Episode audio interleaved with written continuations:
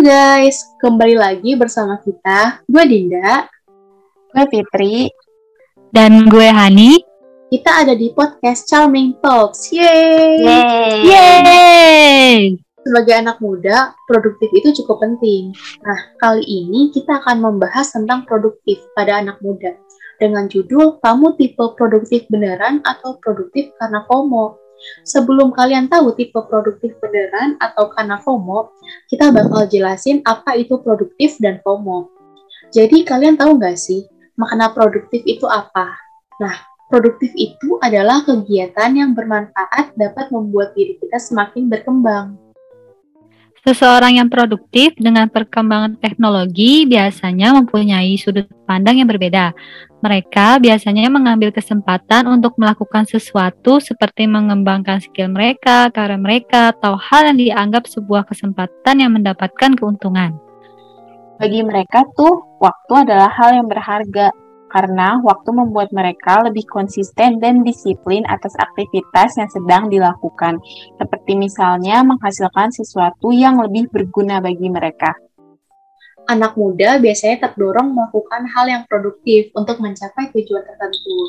Contohnya, mereka mempunyai inisiatif tinggi dalam melakukan sesuatu tanpa harus diperintah, kayak mengerjakan tugas tepat waktu atau sebelum deadline karena kita udah bahas pengertian produktif, kalau bahas soal produktif, kira-kira kalian sendiri pernah produktif nggak sih? Pernah dong, misalnya ikut kegiatan yang mengasah skill seperti volunteer. Oh iya guys, kalian pernah nggak sih ngerasain sesuatu atau ngelakuin hal produktif tuh karena kalian takut ketinggalan? Kira-kira uh, nama fenomenanya apa ya? Uh, itu nama namanya FOMO bukan? Nah, bener banget.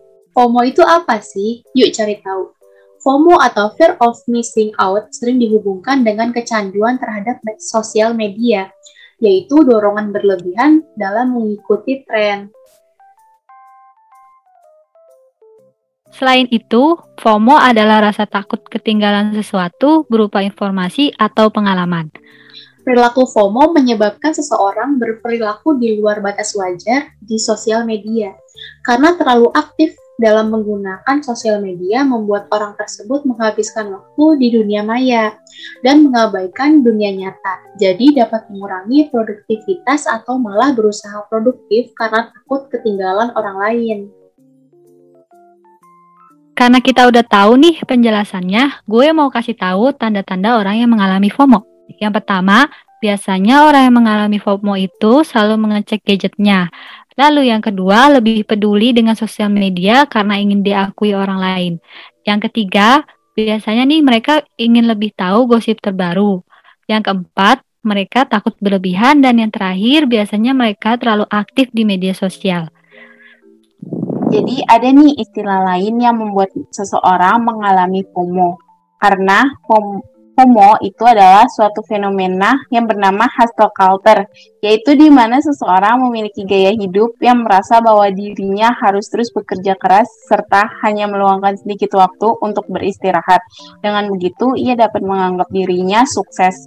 Beberapa orang menyebut gaya hidup ini dengan sebutan gila kerja atau workaholic.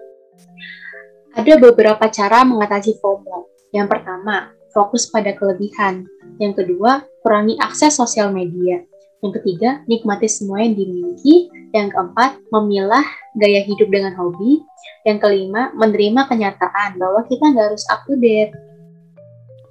Setelah kita tahu tentang produktif dan FOMO, kalian tipe apa nih? Mungkin dari penjelasan kita kalian bisa bisa bisa kira-kira nih kalian tipe yang mana? Oh iya, kita punya pesan untuk kalian. Perkembangan teknologi semakin pesat. Ternyata di saat itu tidak sedikit generasi muda yang menghabiskan waktu di sosial media, dari yang bermanfaat dan yang tidak. So, seimbangin kehidupan nyata dan kehidupan dunia maya, serta bijaklah dalam menggunakan sosial media. Produktif memang baik, tapi ketika kita produktif karena FOMO dapat berdampak negatif pada diri sendiri atau bahkan pada kesehatan mental. Jadi kira-kira begitu guys penjelasan tentang produktif dan FOMO dan apa sih yang ngebedain produktif sama FOMO itu. Jadi kita boleh aja produktif tapi jangan tak Jangan produktif karena kita takut tertinggal.